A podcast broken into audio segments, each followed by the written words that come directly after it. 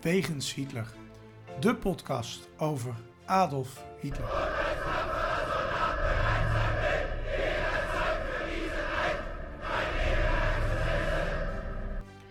Dictator, alleenheerser van 1933 tot 1945.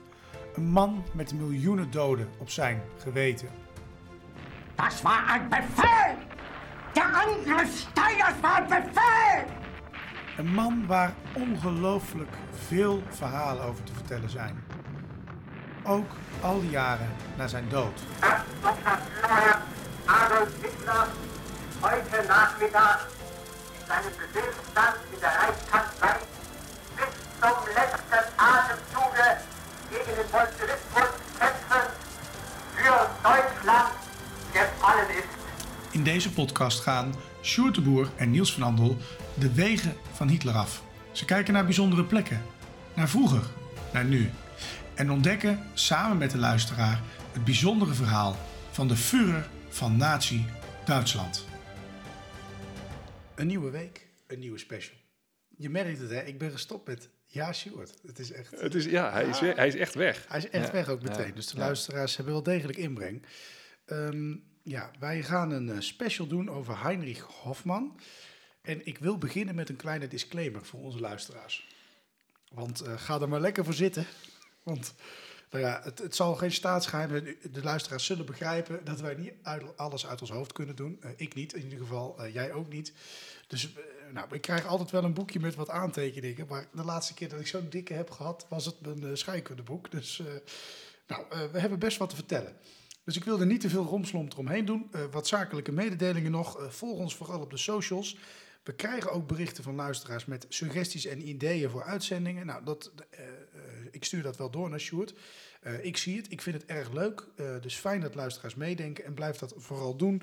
Want we maken het uiteindelijk ook voor onze luisteraars. We gaan naar 30 oktober 1922. En de Münchense fotograaf Heinrich Hofman ontving een telegram van een Amerikaans persagentschap.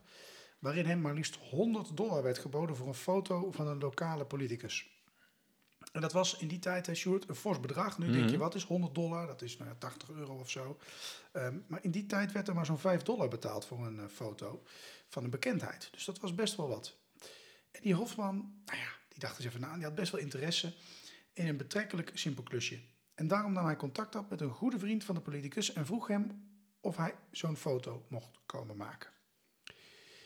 Iemand die zo'n foto wil, moet maar geen 100, maar 1000, maar wel 30.000 euro betalen. Ik zeg euro, maar dollar natuurlijk. Ehm, want deze politicus laat zich niet zomaar fotograferen. Want hoe meer mensen hem kennen eh, en hoe hij eruit ziet, hoe beter, zou de man gezegd hebben. En daarom komen ze naar zijn bijeenkomsten. Als nieuwsgierigen komen ze binnen en ze verlaten de bijeenkomst als lid van de partij. Zo omschreef Hofman in de 50 jaren van de vorige eeuw het begin van zijn zakelijke relatie met zijn belangrijkste opdrachtgever, Adolf Hitler. Dus special over zijn persoonlijke fotograaf. Daar gaan we het eigenlijk over hebben. Ja, ja. Ehm, Ja, dat begin van die relatie, dat is niet zomaar een verhaaltje, toch?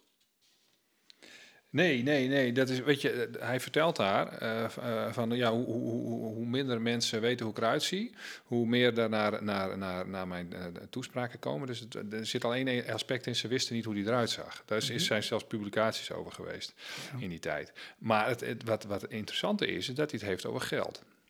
De reden waarom hij in contact kwam met Hitler was een financiële reden. Ja.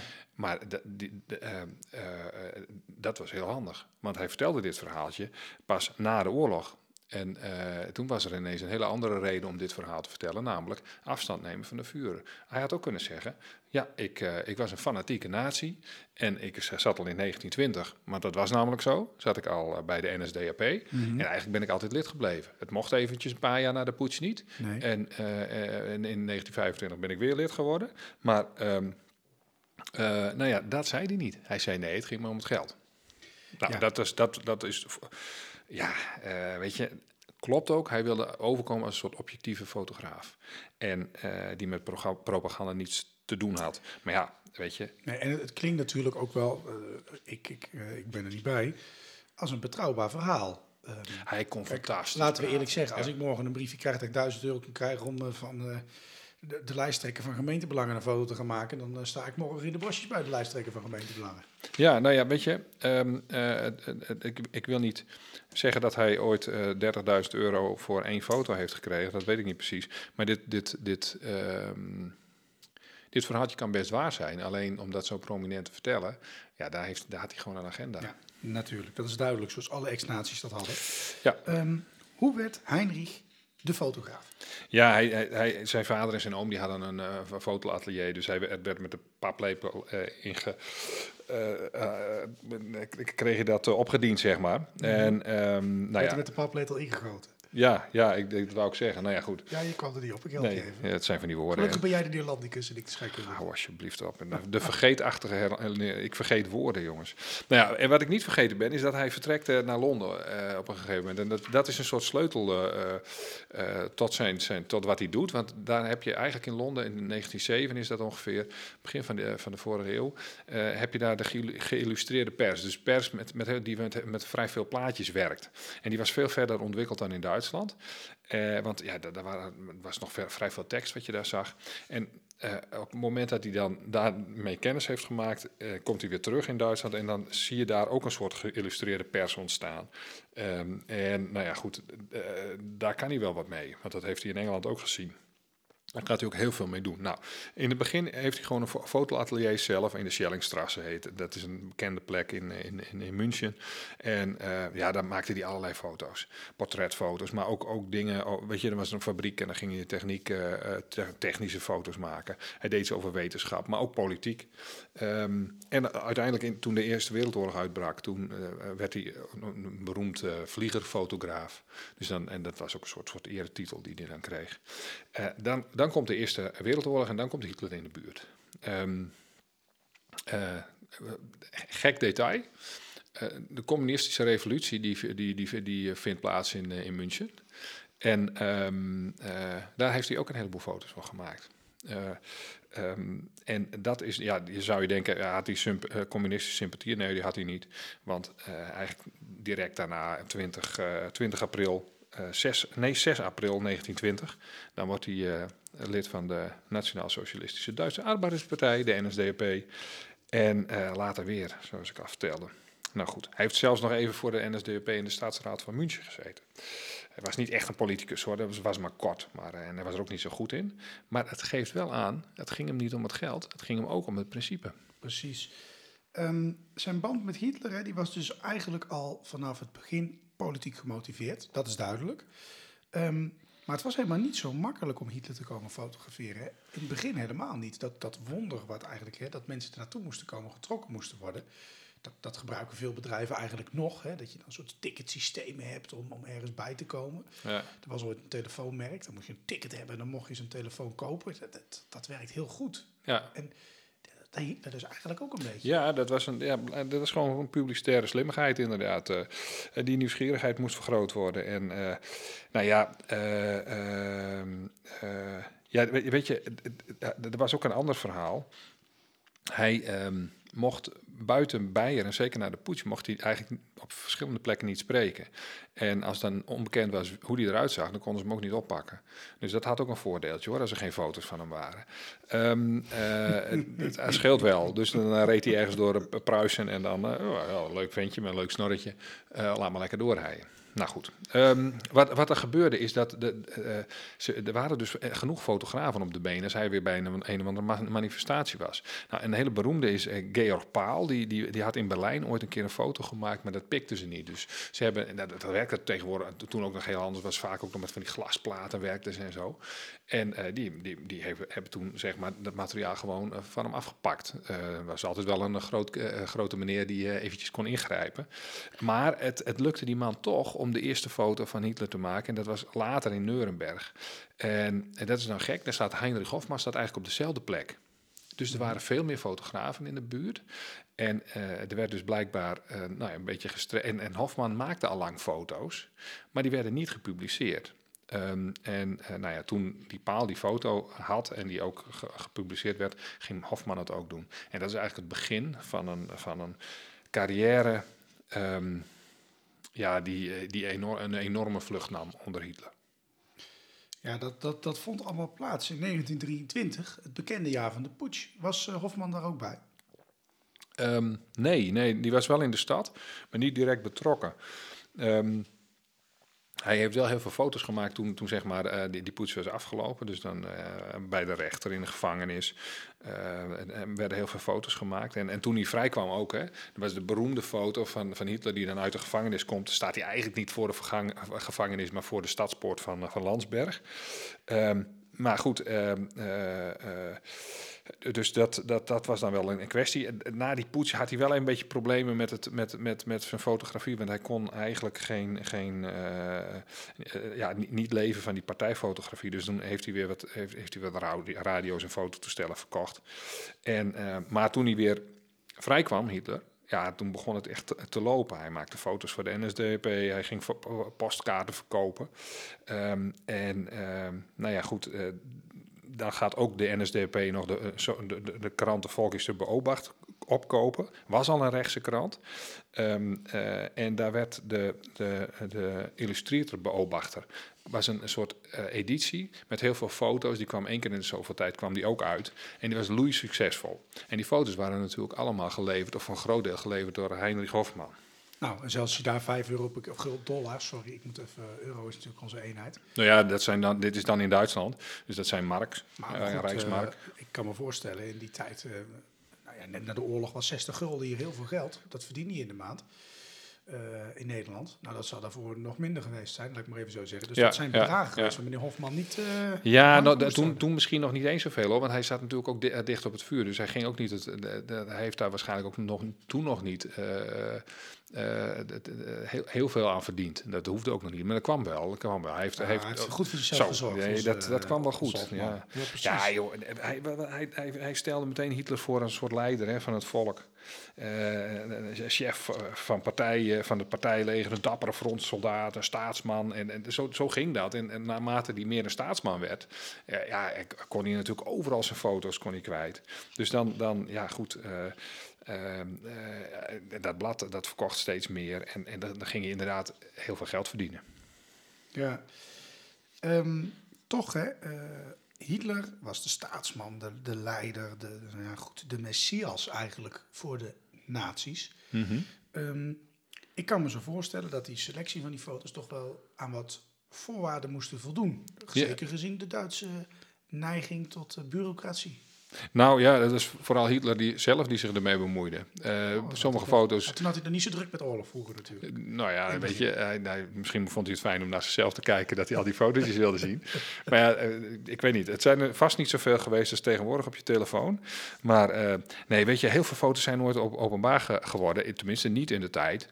Uh, dat Hitler nog rondliep. De foto's van, met Hitler met leesbril, ja, dat, dat, werd niet gepubliceerd, maar we kennen ze nu wel, want ze, zijn wel gemaakt. Uh, uh, Hitler in, in lederhozen, daar is ook een hele serie van. Het is eigenlijk vermakelijk. Het is eigenlijk heel normaal hoor in, in, in Beieren om een lederhozen aan te doen. Maar hij, toch zag hij er blijkbaar iets lulligs in, want hij wilde dat niet. En de leukste vind ik echt, staat op mijn website, staat hij ergens bij de Obersalzberg, denk ik. Um, een foto van, van de vuurder op een klein sleetje. Ja, dat vind ik magnifiek. Dat ziet er echt zo belachelijk uit. En ik van, ach, nou, misschien kunnen we die ook even op onze website plaatsen. Ja, ja, dat kunnen we wel even doen, ja. ja, ja. Dan denk je bijna van, zo erg kon iemand toch niet zijn. En zo'n zo schattig ventje op een sleetje. Nee, te lullig om naar te kijken, joh. Dat is echt, het is heel grappig. Um, nou, en, en, en, en, en, en dat, dat kwam natuurlijk uh, uh, wel voor. Wat trouwens beroemd is... En, en, dat zijn wel uh, foto's die goedgekeurd waren. Dat zijn, is die serie met foto's waar hij poses aanneemt hè, als redenaar. Dat zijn uh, hele mooie zwart-wit foto's eigenlijk. En dan staat hij met zijn armen breed, of dan staat hij te wijzen, of dan, nou dan kijkt hij. Er is een hele serie van, zijn ook heel vaak op voorkanten van boeken gebruikt. En dat was een serie van zes postkaarten die werden dan verkocht en die werden, nou ja, die werden goed verkocht. Tegenwoordig is er een versie, dan heeft hij neonstokjes in de hand. En dan, nou ja goed, dat, dat soort grapjes worden natuurlijk Hitler voortdurend eruit gehaald. Hitler die een dansje doet met een beat eronder en et cetera. Is misschien ook wel een leuk eh, thema om eens een keer eh, iets mee te gaan doen. Ehm, nou ja, weet je, en dan krijg je op een gegeven moment een machtsovername en dan worden die foto's, eh, 1933, ja, 1933 ja, dan, dan worden die foto's soberder. Want dan, dan wordt het echt die staatsman en dan, of dan staat hij in lege kleding. Vooral rond 1939 natuurlijk en later. Ehm nou ja, goed. Ja, het was wel vrij vroeg klaar hè, met die fotosessies. Ehm, ja, ja, dat, dat, ja, dat, ja, maar goed, ehm, eh, dan heb je het over. eh, Nou, in Eh, 1939 vonden de laatste officiële ja, sessies ja, dat klopt. Ja, dat is waar. Ja, ja, ja, Dus ja daar dat- wil je het over hebben. Dat is, nou ja, goed. de Ja, en, oorlog duurde tot 45 en tot 43 ging het best aardig voor Duitsland. Hij nam nog wel foto's, maar niet meer. Daar komen we straks nog op. Dat komen we nog tegen. Nou, ik ja. ben weer ja. te vroeg voor de muziek. Ja. Ehm, er bestaat wel eens een vermoeden dat er wat foto's van Hofman toch niet helemaal waar waren. Hoe moet ik dat zien? Ja, er is een verhaal over de Odeonsplaats, vlak voor de Eerste Wereldoorlog. Mhm. Daar staat een grote menigte. eh, nou, daar wordt al over gezegd, is dat niet gemanipuleerd. En dan wordt zeg maar eh, eh, verteld over nee, dat de Eerste Wereldoorlog is uitgebroken. En nee, dat de mensen, nee, eigenlijk wordt het, het volk een beetje opgejut om ook maar een, dienst te nemen. En in die massa, Hofman die was bezig met, met oude foto's. En toevallig kwam Hitler binnen, die kwam daar vaak. En die zag die foto's liggen. Oh, daar was ik ook bij. Dus zei Hofman zoeken en zoeken en zoeken. En dan zei nou, wacht maar, ik, ik ga wel even kijken of ik je kan vinden. En nou, Hitler ging weer weg en even later had hij hem inderdaad gevonden. Ehm, en nou zijn er speculaties over dat ze denken van, ja, maar was dat eigenlijk wel zo? Is dat niet, en dat kan, heel goed, hè, je, eh, eh, is dat niet een manipulatie dat Hitler erin is geplakt? eh, op de een of andere manier. Het ziet er ook een beetje gek uit. Ehm, nou, je ziet echt zijn hoofd daar staan, dat is, dus dat klopt ook wel. Eh, maar is dat nou ja, manipulatie of is dat echt? Eh, er zijn tegenwoordig twijfels over de echtheid daarvan. Ja. Ehm, Hofman was gewoon een ondernemer. Ja. Was hij een beetje succesvol? Nou ja, we hadden het er al over. Dit was een hele verstandige keus, deze actie. Eh, die, die partij die groeide als een gek. En, en Hofmans bedrijf werd steeds groter. En, en na drie- 1933... Nou, weet je, die firma had een, een, omzet van 680.000 eh, rijksmark. Dat was voor die tijd eh, niet onaardig. Ik zou het er ook voor doen. Ehm, eh, eh, eh, omzet is dat natuurlijk. Maar het steeg naar 15 miljoen in 1943. Dan heb je het over 1943, dan loopt het dus nog als een trein. Terwijl het met de oorlog al een beetje naar Maar achteren was er wel achtergelopen, ja. En die privé-sessies, die, die, die foto's dus niet meer plaatsvonden. Ehm, nou ja, lokale publicaties en, en partijinitiatieven, ja, weet je, die werden wel, wel, wel afgeremd. Dus als er iemand foto's wilde gaan maken, een lokale fotograaf of zo, dan eh, zeiden ze: nee, nee, gaan we niet doen. Dat moet een foto van Hofma zijn. Ja, kijk, dan wordt het interessant. Ja, precies. Ehm, Hofman, hè, die, die, die was dan ondernemer. Ehm, maar hij was daarnaast eigenlijk vooral propagandaman. Hè? Niet echt zo van de journalistiek. Nee, nee, dat wilde hij dus. Ja, hij, hij wilde dus eh, overkomen na de oorlog als, als een objectieve journalist. Ja, dat was natuurlijk verre van waar. Die, die, die- weet je, eh, hij, hij, hij, hij, heeft echte propagandaboeken gemaakt eh, voor, over Hitler. En, en eigenlijk al die tijdschriften waren ook zo. Ehm, eh, Hitler über Duitsland bijvoorbeeld. In het verkiezingsjaar 1932 komt zo'n boek uit. Eh, en dan vliegt Hitler in, in, in, in een vliegtuig eh, naar massabijeenkomsten. En dat wordt dan op de foto gezet en als het ware verheerlijkt. Ehm Der Triumph des Willens, dat is een, een, eh, de opkomst van de beweging. Nou, dat is film, hè? is ook een film, ja. ja. Dat is, daar heeft hij dan weer een boek van gemaakt, fotoboek.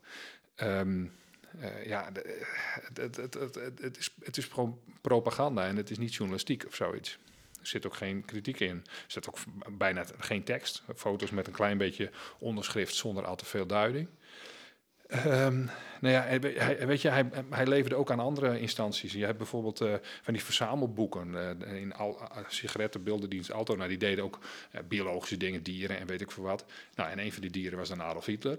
En dan, dan, dan plakte die, plakte, kon je ook foto's krijgen en die kon je dan inplakken.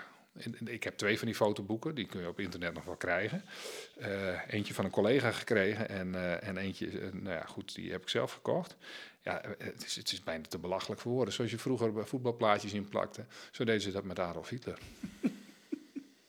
Nou ja, en, en zo, zijn, zo zijn er veel meer van die... Van die Ik, eh, ik, ik, ik vind het gewoon bijna jammer dat het niet meer bestaat. Maar dan van de, van de huidige nou, politie. ik zal ze een keer Zie je het- meenemen. nee, maar zie je het al voor je? Dat je gewoon dat je nu bij de Plus of, of de Albert Heijn kunt sparen voor plakplaatjes van Mark Rutte. En Ja, van, en van, ja. en Nou, maar van en van al die andere ministers. Dat zou ik toch echt Nou, fantastisch leuk Ja, vinden. maar het zou eigenlijk wel moeten, want eh, af en toe krijgen ze er ook wel van langs. Terwijl ze, ehm, als je vergelijkt met de periode waar wij het allemaal over hebben en dat soort toestanden, waar hebben we het over? Elke kritiek is, is, is Ja, het wat zou kun je zo van gaaf daarvan lijken dat je vegen? die bordesfoto, dat je dan die fotootjes op kan plakken. Ik zie echt, Ja. ik, ik denk dat Beetje we naast deze voor, eh, podcast misschien eh, toch een gat in de markt hebben Ja, bedacht. precies. zojuist. Ja, ja, ik vind Ja. het wel, eh, ja. En was er nog meer Ehm, dat hij maakte? Ja, van alles, joh. Ja, nee, de, de- je, hebt, privéfoto's. Eh, Hitler, wie hem, eh, wie Ke- Keiner kent, dat is een, dat is een, dat is een, eh, een, een, een privéfoto's van de Führer. Kijk, eh, die Goebbels, die, die, die had op een gegeven moment gedacht van, ja, wij, wij zijn natuurlijk groot geworden met, met brutaal optreden in de straat, met de SA en met, met dat, moeten we, dat moeten we veranderen. Hitler moet sympathieker zijn, moet eh, spontaner zijn. En dan liet je hem gewoon zien in de bergen. En dan eh, gaf je een ki- kind een, een aai over de bal. En dan, nou ja, eh, het was echt een idee van Jozef Goebbels, maar Hofman, eh, die werkte dat uit. Ja. Ja, meneer Goebbels die was wel van eh, de beeldvorming, zullen we maar zeggen, als minister van Propaganda. Ja, hij had wel een visie. 1933, 30 januari. Hitler komt aan de macht. De vrije pers, dat was einde verhaal vanaf dat moment. Ehm, dat moet voor Hofman gunstig geweest zijn. Ja, nee, we zeiden dat hij deed financieel uitstekend, maar hij had ook gewoon keihard een monopoliepositie. Kijk, het beeld van Hitler dat berust eh, gewoon op zijn foto's. Wat, wat hij eh, fotografeert, dat, dat, is, dat, dat bepaalt het beeld van, van Hitler. En ehm, eh, weet je, hij, hij, hij, hij kreeg, er waren wel meer fotografen hoor in de buurt. Maar als hij dan in de Rijkstak was, dan stond Hofman, er is zelfs een foto van gemaakt dat hij daar staat. Dan zie je Hitler, zie je allerlei politici, allemaal in van die, van die nazi-pakjes, maar goed. Eh, en staat hij eigenlijk vlakbij met een fototoestel foto's te maken. En daar is achter in de zaal blijkbaar nog een fotograaf die die overzichtsfoto heeft gemaakt. Ook iemand van de firma Hofman. En daar stonden er misschien nog een paar andere fotografen. Maar die kwamen natuurlijk nooit zo dichtbij. Hè? Ehm, eh, weet je, die, die, die, die, eh, die andere fotografen waren ook geen concurrenten. Want eh, ze moesten toch de foto's van Hofman hebben. Ehm, het, het was geen, trouwens geen, geen echt monopolie, dus het is niet... niet, Stond niet niet in de wet, Nee, nee, maar praktisch gezien was het het wel. Weet je, een ministerie van Onderwijs, dat, dat, dat, dat kocht dan boeken eh, met materiaal van Hofman. En eh, kijk, als je, eh, als je scholen bedient met materiaal... Ja, er is geen betere business dan Nee, eh, dat zijn er aardig wat. En elke leerling, elke leerling moet een eigen boekje hebben. Mhm. Nou goed, de- Misschien ook een idee van jou om gewoon wat onderwijsboekjes te gaan maken, Stuart. Dan eh, kun je stoppen met werken. Ja, ja, dan misschien, ja, misschien moet ik dan veranderen van onderwerp of zo. Een beetje iets. Ja, je kunt toch wel gewoon een beetje dat als verplichte vakliteratuur laten opnemen. Misschien bij de geschiedenisopleiding. Ja, nee, ja, misschien zijn ze meer bezig met milieu en zo, dat ik daar iets over kan. eh. Ja, gewoon eh, het milieu in het Derde Rijk. Je kunt best wel wat Nee, vertellen ja, ja, over ja, het vele dat, eh, olieverbruik. ja, Ja, ik zie kansen. Ja, ik zie ook wel kansen, ja. Nee, weet je, eh, wa- wat, wat wel gebeurde, en dan hebben we het nog steeds eigenlijk een beetje over het bedrijf van Hofman, is, eh, kijk, hij kan dat niet allemaal alleen doen. Dus, dus hij, hij neemt heel veel fotografen aan en die, en die, die leveren hun foto's als het ware in. Er staan ook stempeltjes op en er staat dan wel de naam van de echte grote fo- fotograaf af en toe op, maar dat is allemaal eh, materiaal van het bedrijf Hofman. Eh, eh, en weet je, die, hij, heeft een persafdeling, heeft een uitgeverij, heeft winkels. eh, er zitten winkels in Berlijn, Düsseldorf, maar ook in Wenen en in Den Haag, in Praag, et cetera, Parijs, Riga. Eh, er komt van alles, foto's voor aan de muur eh, en ook beeldberichten. En weet je, hij heeft 160 re- eh, redacties van kranten en tijdschriften. Daar leverde hij zijn materiaal aan. Dus het gaat hem best goed en hij bepaalt enorm het beeld. Ja. Als hij het beeld bepaalde, hè, ehm, als er ergens veel foto's van zijn, is het wel de succesvolle invasie van, eh, van Duitsland, hè, van bijvoorbeeld Frankrijk, maar ook in het begin van de Sovjet-Unie. Eh, dat was ook allemaal van meneer Hofman. Ja, ja, ja. Daar had je ook wel fotografen voor die specia- gespecialiseerd waren in bepaalde, eh, ja, weet je, in vliegtuigen. Van, als je in de propagandaboeken eh, kijkt, dan zie je ook wel eens foto's van vliegtuigen of dan, dan springen de parachutisten uit. En daar zit Heinrich Hofman niet, niet per se bij. Die zit meestal in dat Führer eh, waar we het vorige keer over hadden. Ehm, en dan, ehm, eh, ja, dan, dan, dan maakt hij foto's van Hitler en van de generaals om hem heen en van de plek waar hij dan is. Ehm, eh, daar is hij vaak. kijk, Hitler in Polen is bijvoorbeeld zijn eerste propagandaboek. Dat gaat over de oorlog. En dan krijg je dat vriendelijke beeld van, van de vuren verandert dan weer ineens in iemand met een, eh, een lege kostuum aan. En daar komen er ook beelden van die, van, die, van die oorlog in terecht. Dus dan verandert het beeld in feite weer. Uh, maar het is wel een succesvol beeld. Want uh, ik, ook dat verhaal over het, uh, de invasie van Nederland en, en, en het Westen, dat is een succesverhaal met aan het einde van het boek de juichende menigte in, in Berlijn die, die, die, die de vuren onthaalt. Um, nou ja, goed, Hofman is erbij. Ook, ook in het oosten, bij die hoofdkwartieren, ja, dan wordt het wat minder. Uh, voorbeeld van een foto die bijvoorbeeld in, in, in dat boek van, van, van Hitler in het Westen staat. Het is een, een, foto die gemaakt is in Nederland door een Nederlandse fotograaf. Henk Lamme is dat. En, en, en die gast die maakt een foto vanuit Den Haag. Ziet van die, van die, van die parachutisten springen. En ja, hij maakt een foto. Hij is fotograaf, dus dat doet hij. En op een of andere manier is die foto bij de Duitsers terechtgekomen heeft hij hem zelf verkocht? Of wat, wat, wat was het precies? Is hij hem afgepakt? Um, uh, en uh, er is een brief van, vanuit, um, hij was verhuisd naar Veenendaal. en um, er was een brief uit, het, uit, uit de, het Binnenhof, want daar staat namelijk het hoofdkantoor van de, ik weet niet, van de Duitsers in ieder geval. En die zegt van ja, we hebben de foto gebruikt voor het boek van Hofman, voor het propagandaboek over Hitler, dat in Duitsland overal uitkwam. En uh, je, je, wordt bedankt en uh, je kunt je foto weer ophalen. Nou ja, goed. Hoe dat, hoe dat precies gegaan is, weet ik niet. Ik heb het proberen te achterhalen, maar ben ik er niet helemaal achter gekomen. Ja. Detail. We hebben het nu vooral over de succesverhalen, maar eeuwigdurend was het duizendjarige rijk ook weer niet. Het uh, gaat verkeerd. Ja, ja, ja, en ja, dat had wel invloed op, op, op het werk van, van Hofman. Kijk, um, die tegenslagen die moesten een beetje verhuld worden. Uh, Hitler die wilde eigenlijk, die, die kwam ook minder in publicatie, maar hij had er ook gewoon niet zoveel zin in. En, en, en nieuw materiaal verscheen eigenlijk niet meer. Kijk, als, die, als na, na met Hitler in het Westen, dan, uh, dan heb je dus, de, dat is 1940. En dan valt het een beetje stil. En dat is wel apart, want uh, er verschijnen nog allerlei foto's, maar dat zijn heel vaak foto's uh, van, van, van, van herdrukken van foto's die er al lang zijn. En uh, ja, typisch daarvan is, dat, dat besef je vaak niet. We maken heel vaak de grap van, ja, Hitler heeft in ieder geval iets goeds gedaan. Heeft een heleboel snelwegen aangelegd. Mm -hmm. Nou, hoeveel waren dat er eigenlijk uiteindelijk? En waren dat niet snelwegen die al gepland waren, voor een deel? wat helemaal typisch is, is dat we het idee hebben dat hij tot 1945 als een idioot snelwegen aan het aanleggen was. Maar dat was helemaal niet zo, dat was gewoon gestopt. Dat geld dat ging naar de oorlogsindustrie. Alleen in de, in de boekjes en in de kranten stonden gewoon die, die, die, die foto's van, van die snelwegen stonden gewoon, werden gewoon ge, ge, opnieuw gepubliceerd. Dus dan heb je die beeld van, ja, dat ging blijkbaar, dat blijk, blijkbaar een heel heavy ding. Maar goed, dat is dus ook propaganda. Als je dat napraat, ja, dan in principe stink je er weer een, in. Uh, jij hebt ooit een boek geschreven, de Hitler-mythes. Is dat niet een van de mythes die ook rond Hitler hangt? Dat hij het Wirtschaftswunder uh, ja. heeft gebracht? Uh, ja, ja dat, dat opbouwen van de economie, ja. En, en, en ja, dat is wel een van de, van de, van de verhalen waar je wel vraagtekens bij kan zetten. Als je, het is het verhaal niet dat daar eigenlijk gewoon failliet was. Nou ja, weet je, je gaat, je gaat op een gegeven moment ga je investeren in oorlogsmateriaal. En dat is natuurlijk materiaal dat bedoeld is om oorlog te voeren. Zoals brood bedoeld is om te eten. En als je dat opspaart, dan. Uh, maar je, je, doet er niks mee. Je voegt niks toe aan de economie of zo. Nee. Tenzij je dus inderdaad het lukt om die graanschuur uh, te veroveren. Maar als dat dan niet lukt, dan heb je er eigenlijk niks aan gehad. Ja.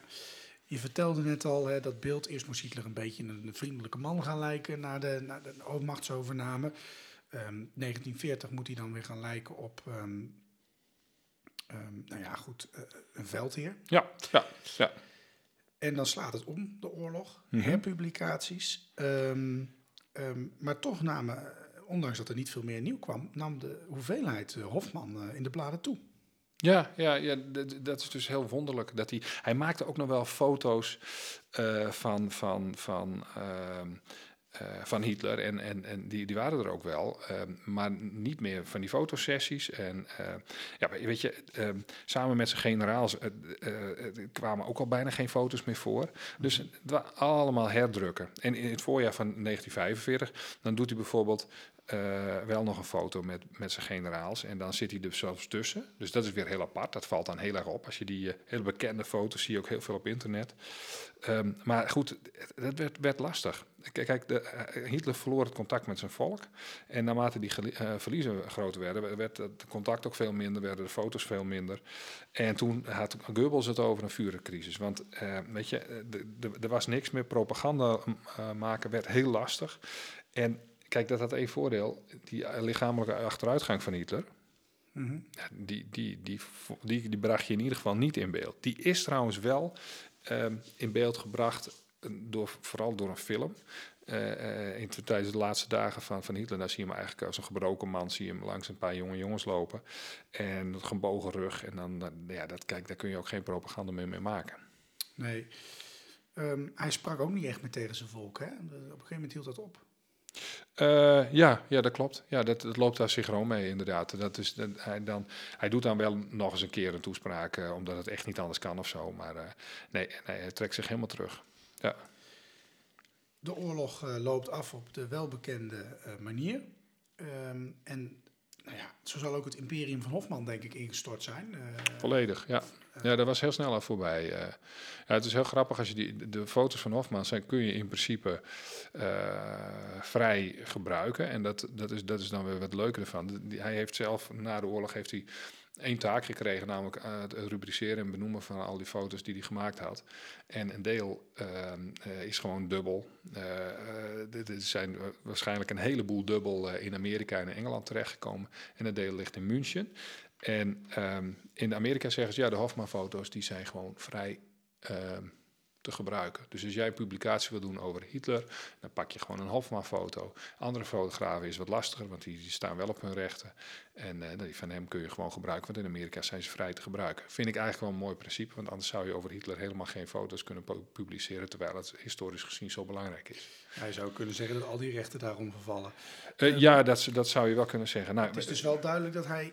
Nou, we hebben het een keer eh, twee uitzendingen hiervoor gehad over carrière-naties. Dat is voor hem niet... eh, Nee, dat is, nee, nee, na de oorlog niet meer. Nee, nee daarvoor eh, prima. Eh, dat, dat liep lekker. Maar dat was, eh, nee, hij was, hij was natuurlijk hartstikke miljonair geworden. En ik wou was, zeggen, hij zal niet op een houtje hebben gebeten, toch? Ah, nee joh, en hij was gewoon een persoonlijke vriend van, van Hitler ongeveer. Hij kwam alle diners kwam die langs. Hitler kwam bij hem thuis. Zijn dochter, die, die kende die goed. Die was getrouwd met Baldo van Schirach, die baas van Wenen werd een tijd lang. Nou, daar kunnen we ook weer eh, over doorgaan. Maar ehm, ja, weet je, het was, het was gewoon na de oorlog was het gewoon voorbij. Dat, eh, eh, in Nuremberg zat hij te werken aan zijn fotootjes. En ehm, nou ja, weet je, daar zette hij ook dingen bij die helemaal niet klopten. Die, foto, die, die onderschriften in die boekjes deugden, al niet. Waren vooral propagandistisch van aard. Soms wist hij het ook niet precies. Maar goed, het was een beetje een rommeltje. Tenminste, dat valt me altijd op dat dingen gewoon niet kloppen. En dan in 1950, dan, dan is hij daarmee klaar. Dan gaat hij terug naar München. En dan wordt het ook niks meer. Dan wordt hij geen fotograaf meer. Dan is het gewoon afgelopen. Hij, eh, eh, hij, wordt ziek. Hij eh, heeft eigenlijk geen geld meer. En dan sterft hij in 1957. Ja, een eh, eenzame dood. Toch nog eventjes ehm, ehm, een klein stukje terug. Na die oorlog deed hij er eigenlijk alles aan om zijn propagandarol te verkleinen. Ja, ja, ja, ja dan, krijg je, dan kom je dus in dat verhaal van, eh, van, eh, eh, van waar we het net over, eh, over gehad hebben. Hè. Die, die, eh, eh, dat hij toch die, gewoon echt die, die persfotograaf was, die objectief was en die eigenlijk om redenen van het geld eh, met Hitler in contact kwam. En dat was natuurlijk eigenlijk, niemand geloofde daarin. Want je, je kon gewoon zien wat hij had gedaan. Dus dat, dat- ja, hij, hij is er niet echt mee weggekomen. En dat zie je ook aan het. Kijk, er zijn andere mensen die hebben dat handiger gedaan. Albert Speer heeft wel lang in de gevangenis gezeten, maar kon Kan daarna wel profiteren van zijn geld. Ja. Ja, ja. En eh, hij was vrij hè, op een gegeven moment. In, en dus, dus hij kwam er eigenlijk misschien nog wel beter af. Maar hij heeft ook niet, eh, is ook niet verantwoordelijk eh, geweest voor geweld, et cetera, et cetera. Maar wel voor het vurenbeeld. En dat was wel een heel belangrijk aspect. Ja. Adolf Hitler. Hij werd in zijn leven gepresenteerd als de profeet die van de kleine splinterpartij de massabeweging, die de NSDAP toch wel geworden is, maakte. Hij werd neergezet als liefhebber van kunst, een vredelievend man regelmatig, een kenner van zijn volk, een arbeider onder de arbeiders. En dat beeld ja, dat werd mede door Hofman eigenlijk gecreëerd. Dat hij de bouwer was van het grote Duitsland. We noemden het al de snelwegen. Een kindervriend zelfs. Nou, uh, ik heb hem niet zo in mijn beelden. En de soldaat onder de soldaten. En dat was misschien wel Goebbels idee. Maar Heinrich Hofman zijn foto's ondersteunen dat met beelden. En een plaatje zegt meer dan woorden. En die beelden van Heinrich Hofman, die hadden misschien wel meer effect dan al het geschreeuw van Goebbels ooit heeft gehad.